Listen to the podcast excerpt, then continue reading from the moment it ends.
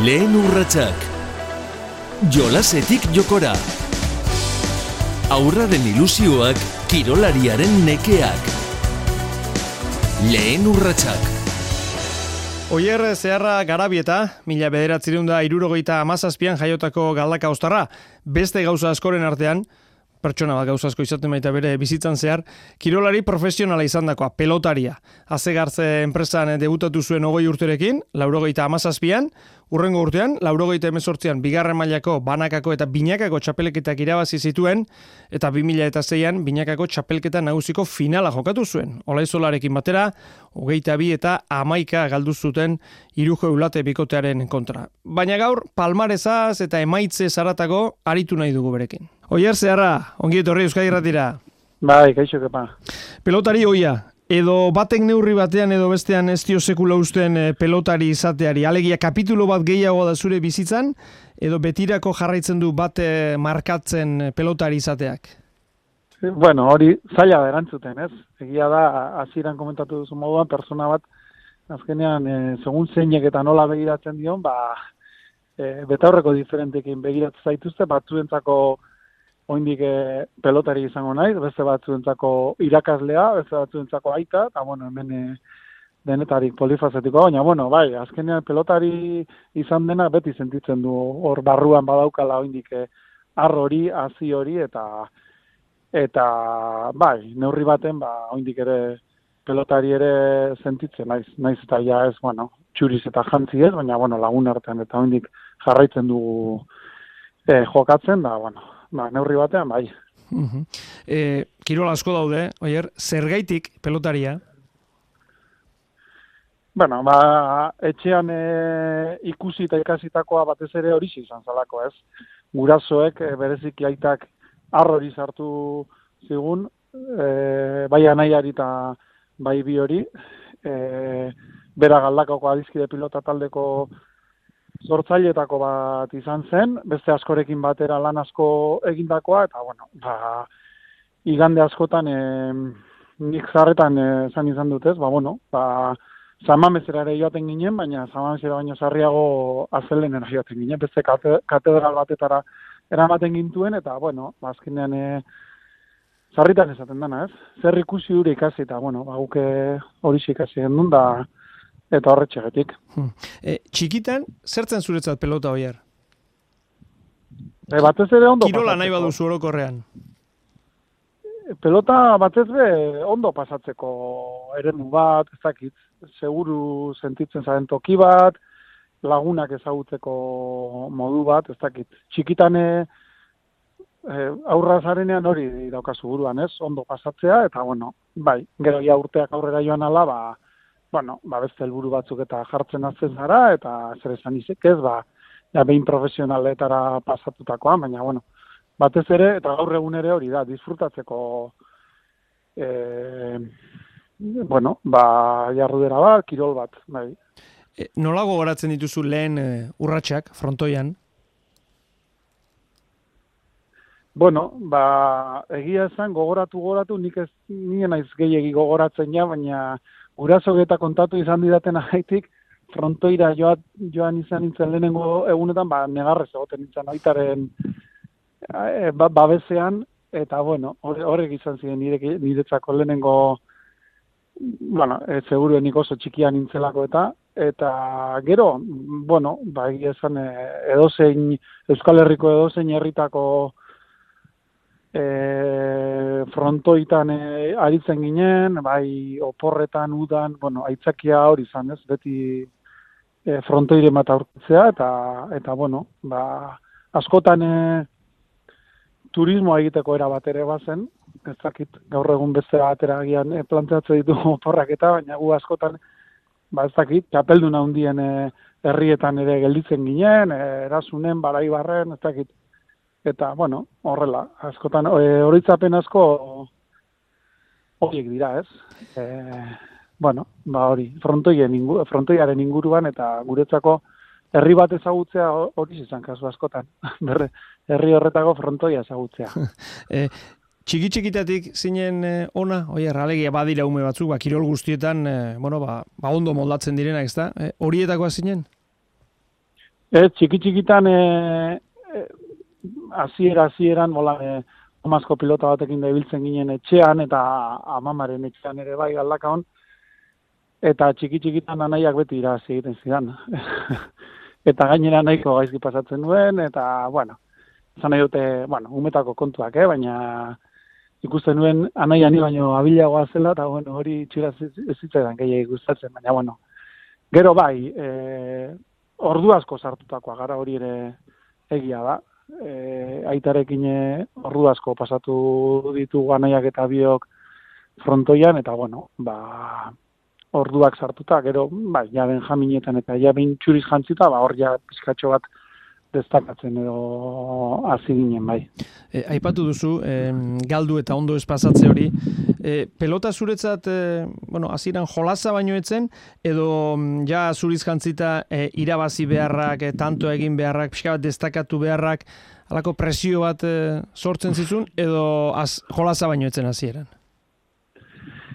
Bueno, jolaza, nik izango nuke joko, jokoa, eh, zela gehiago, ez? Eh, Bai, jolas baten eh, askotan irabazteari ez zaio garrantzirik ematen, baina bueno, joko baina zerbait jokoa dagoenean.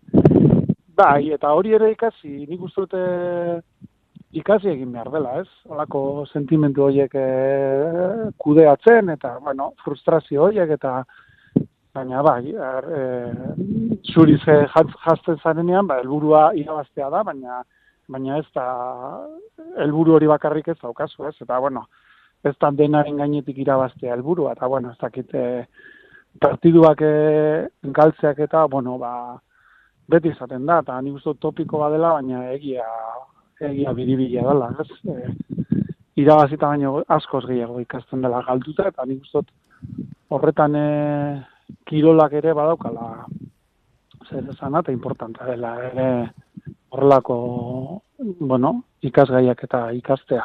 Beraz, Lehen aipatu duzu Salmamez, e, Marcelo Bielsa futbol entrantzaileak dio laudorioak ahuldu egiten duela kirolaria eta porrotak irakasgai sakonagoak usten eh, dituela. Bat zatoz, oier? Bai, nola, nola naiz ba. Marcel, Marcelo Bielsa bezalako entrenatzaile batekin bat etorri. Bai, dudarik gabe, dudarik gabe. Bet, bai, zarritan eh, esan izan da ezta. Laudorioak re, relativizatu egin behar direla eta eta kritikak, bueno, onartzen jakin ez da erresa, kritikak, baina beti ere kritika asmonez egindako kritika badira, ni uste dut, eh, bueno, bulta bat eman eta hobetzeko bidea ere badirela dudari gabe. E, kirolean ala egiten da, ezta? E, bueno, emaitzan, e, kiroleko emaitzan esan nahi dut, egiten da irabazi edo galdu. E, noiz ulertu edo sentitu zenuen zuk bi hitz horien garrantzia e, pelotako zure lehen urratsaietan? irabazi edo galtzearen garrantzia, mm, bueno, txikitatik konturatzen zara, ez? E, diferentea dela partidak irabazi edo galtzea, baina, bueno, e, guk etxean eta behintzat bizi izan duguna beste, ez dakit, beste balore batzuei garrantzia gehiago eman izan zai, ez? Ez dakit, aurkariarekiko errespetua eta eguneroko lanari eta horrelako kontuei garrantzi gehiago ematea. Gero bene benetan e, irabazi edo galtzeko presio hori ba agian e, afizionatu mailan eta ja maila bueno, ba gorengo mailan ez dute esango, baina bueno, ja behar bada begi batekin profesional mundua ikusten duzunean ba konturatzen zara, ba bueno, importantea dela emaitzak ja maila horretan ja ba badaukala bere garrantzia eta sarritan ba bueno, ba umetan ez bezala, ba, profesionaletan, ba, gaizki jokatu eta irabazteak batzutan, ba, gehiago balio duelaz. E, ondo jokatu eta galtzeak baino. E, gurasoen papera oso da garrantzitsu ez da, e, lehen urratxoetan, e, ume gaztetxo garai horietan, eta e, hiru hitz apuntatu ditut zeuk, zeure gurasoei loturikoak esan ditu esan berre dituzunak, hirurak e, bueno, hiru B esango ditugu, ez da, batetik e, bidea, e, jarri zizueten e, frontoirako bidea, bestetik aipatu duzu hasieran negarrez frontoian gaizki eta aitak babesa ematen zizun, eta orain aipatu dituzu, baloreak. E, gurasoen papera ikaragarri garrantzitsua da. Ba, idu da barik, bizitzan edo zein arlotan da importantea eta, eta kirolean ere, bai, ez? Eta azkenean, bueno, ez dakit, guk eh, etxean txikitatik hori ze bizi izan dugu, ez? E, pelota ez, ez zela helburu bat. E, bueno, gero emaitzak etorri barra zuten etorreko zirela, baina gehiago zela, bueno, ba, bizitzeko modu bat, ezakit e, beti gainera bai, ezakit kulturari, bai, euskal kulturari lotutako zerbait, eta eta inork igual inoiz aipatu ezkero ba ze profesionaletara eta bueno ba beti gurasoak gurasoak eh, segitzen esaten ziaten ba ez hori bueno etorri berba etorriko da baina bueno beste lentasun batzu daude e, bueno hezkuntza eta bueno ikasketekin jarraitzea eta bueno ba, beste hori ba agian sari hori iristen bada ba bueno lanaren ondorioz iritsiko da baina bueno beti argi ukita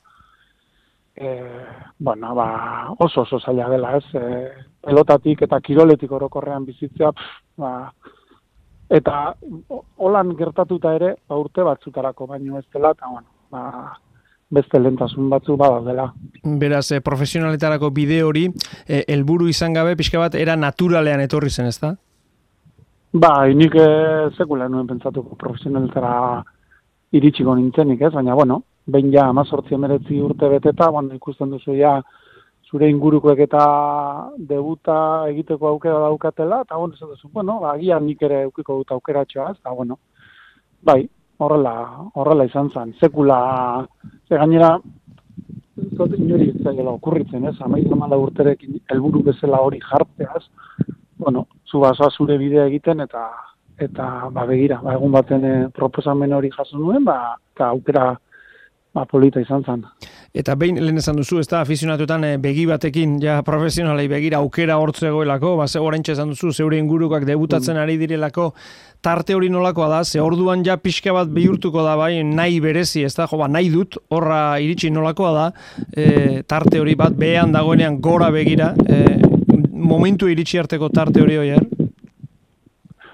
Bueno, ba, nahiko ez dakit, ez daukat lan oroitapen, nahiko lasai eraman nuela e, uste dut, eta horretan e, e, egia da, apur bat, e, ba, esate baterako ikasketekin eta jarraitzeak niri asko lagundu zidan, ez bakarrik e, profesionaletara pasatu aurrek urte horietan, gero, gerora ere, lehenengo urteetan ere asko lagundu zidan, e, bueno, ez dakit, apur bat, e, beste, burua beste toki baten eukitzeak, eta, bueno, orduan, e, nik IBEF ikasi nuen, amazortzi urterekin gaztiz eta torren nintzen e, IBEF ikastera, eta horrek beti ematen zidan beste, beste patxada bat, ez? Jakiteak, ba, bueno, ba, nik nire ikasketekin jarraituko nuela, eta eta gero, ba, jakina, ba, azegartzeke entrenatzeko eta lehenengo probak egiteko eta deitu ninduena, ba, hor, bai, egun horietan, ba, bueno, urduritasuna, edo, bueno, sentitzen nuen horre, ar, arra horre zabelean, ez, baina, bueno. Kirol profesionalak, oier, zer erakutsi dizu, zer, zer eman dizu? Eh, bueno, lehenengo, helburuak lortzeko lan egin behar dela lana, lanik gabe ni behintzate enaiz sekula doai bereziak izan dituen pelotaria izan, enaiz jotzaila izan, bueno, e, ez dakit, e, ni behintzat e, lortu dudane, lortu dudana, o lortu dudan, bueno, egia da titulo aldetik ez dudala gauzan lortu, baina jende pelotaria hundiekin jokatzeko aukera aukidut, eta hori nire kasua mintzat izan da, lanaren e, ondorio bat, ez?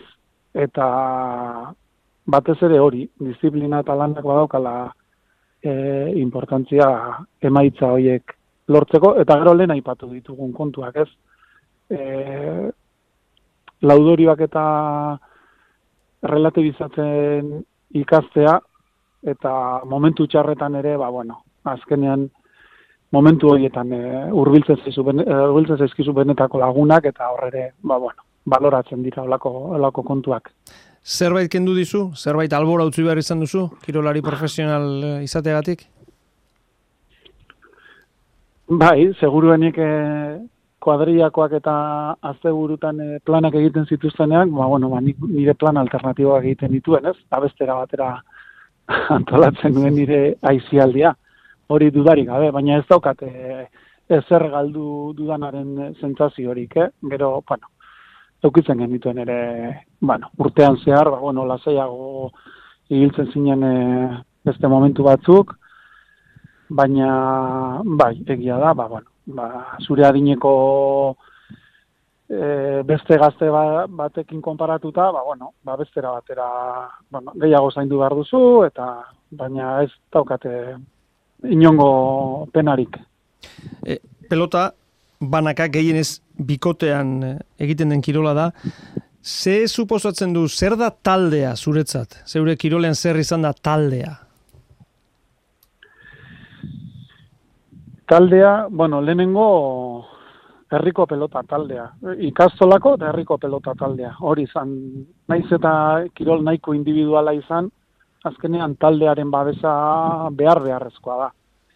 Eta nahi edo nahi gabe nik uste dut e, zuk zure talde egiten duzula eta, eta ez bakar, gero profesionaletan ere bai, eh?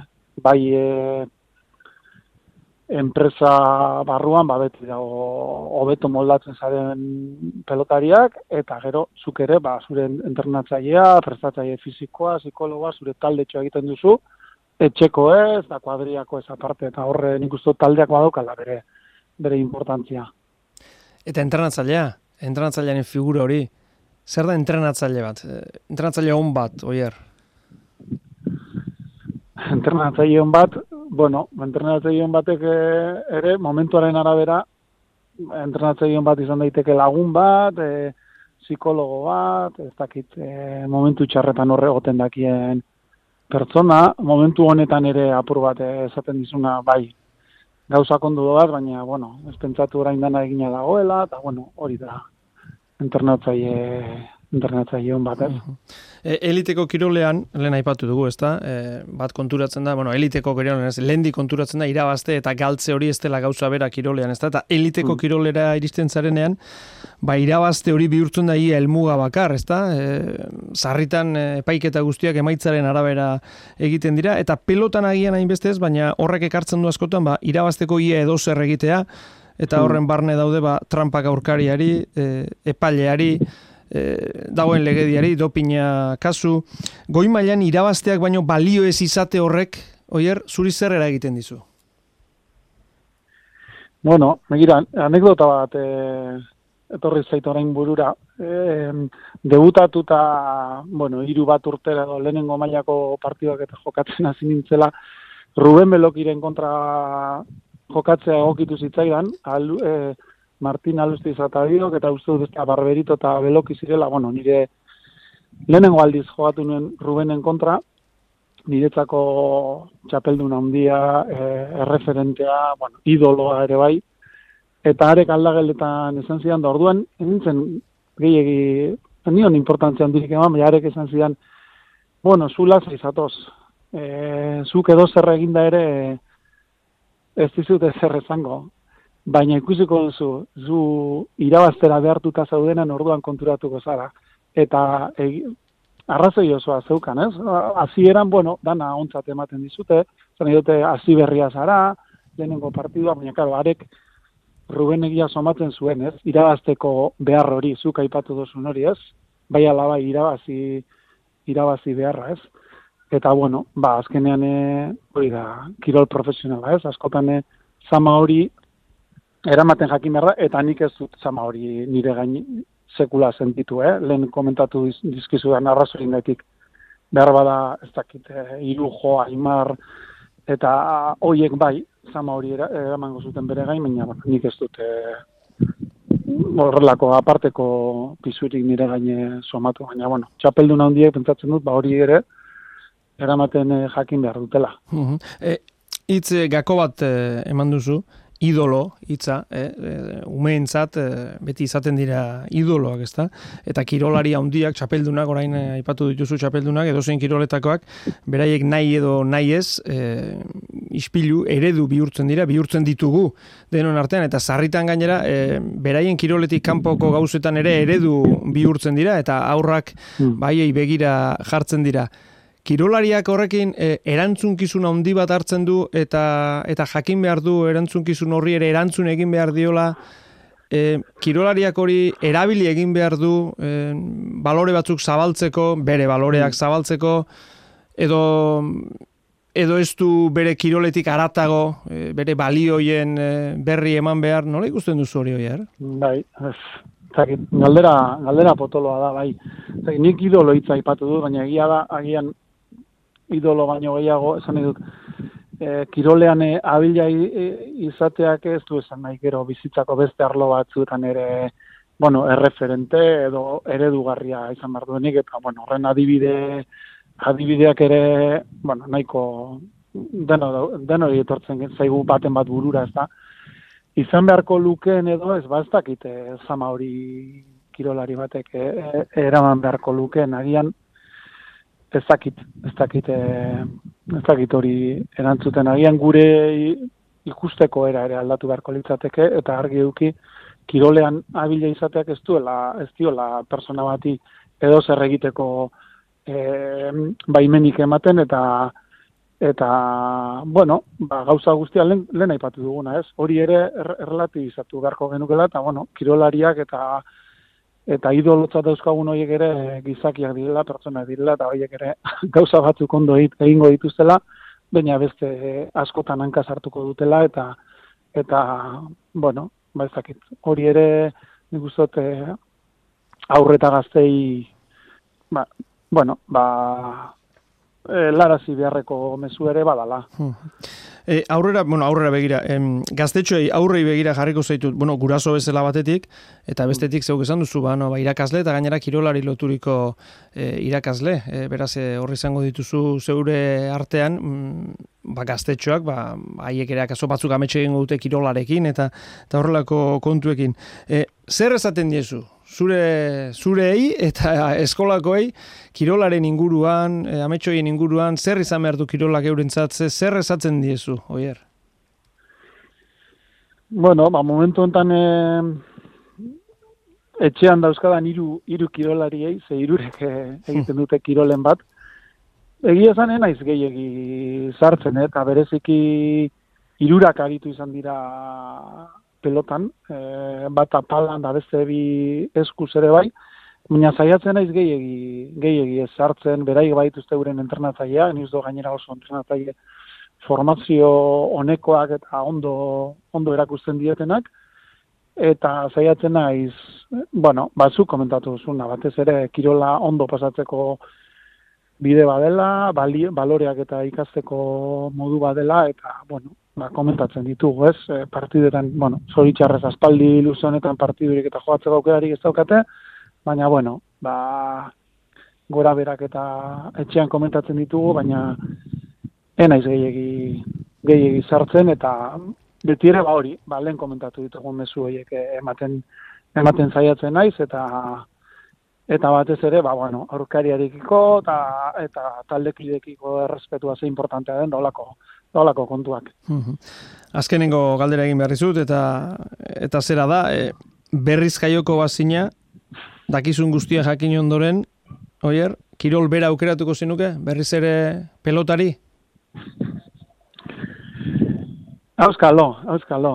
E, bai, pelotan e, egingo nukela hori nik ustote, bueno, ez dakite, eh? zaila da esaten, baina nik ustot, baiet, pelotak gauza asko, gauza asko eman dizkit, eta indik ere, bueno, e, berro eta urterekin ere bai, pelotan jokatuz, ba, asko disfrutatzen dutez, baina, bai, agian e, beste kirol batzuk ere probatuko nituzke, eta ez dakite, gure garaian igual, gaur egun nik aukera gehiago dituztela, eta pelota bai, baina beste beste kirol batzuk ere probatuko nituzke eta eta baita ere pelotak dituen beste modalidade batzuk, ez? Nik trinketa adibidez oso berandu deskubritu dut eta iruditzen zait e, ba oso oso divertigarria dela eta hemen hegoaldean ematen du esker pareta baino dela existitzen eta bueno, ba esate baterako ba hori, ez?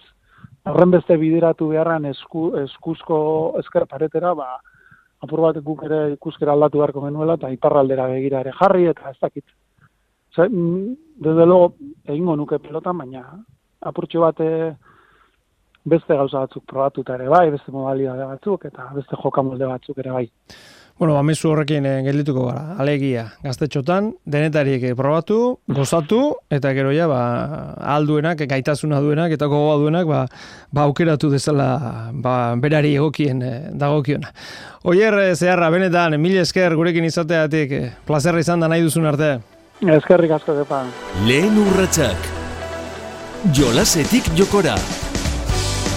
Aurraren ilusioak kirolariaren nekeak.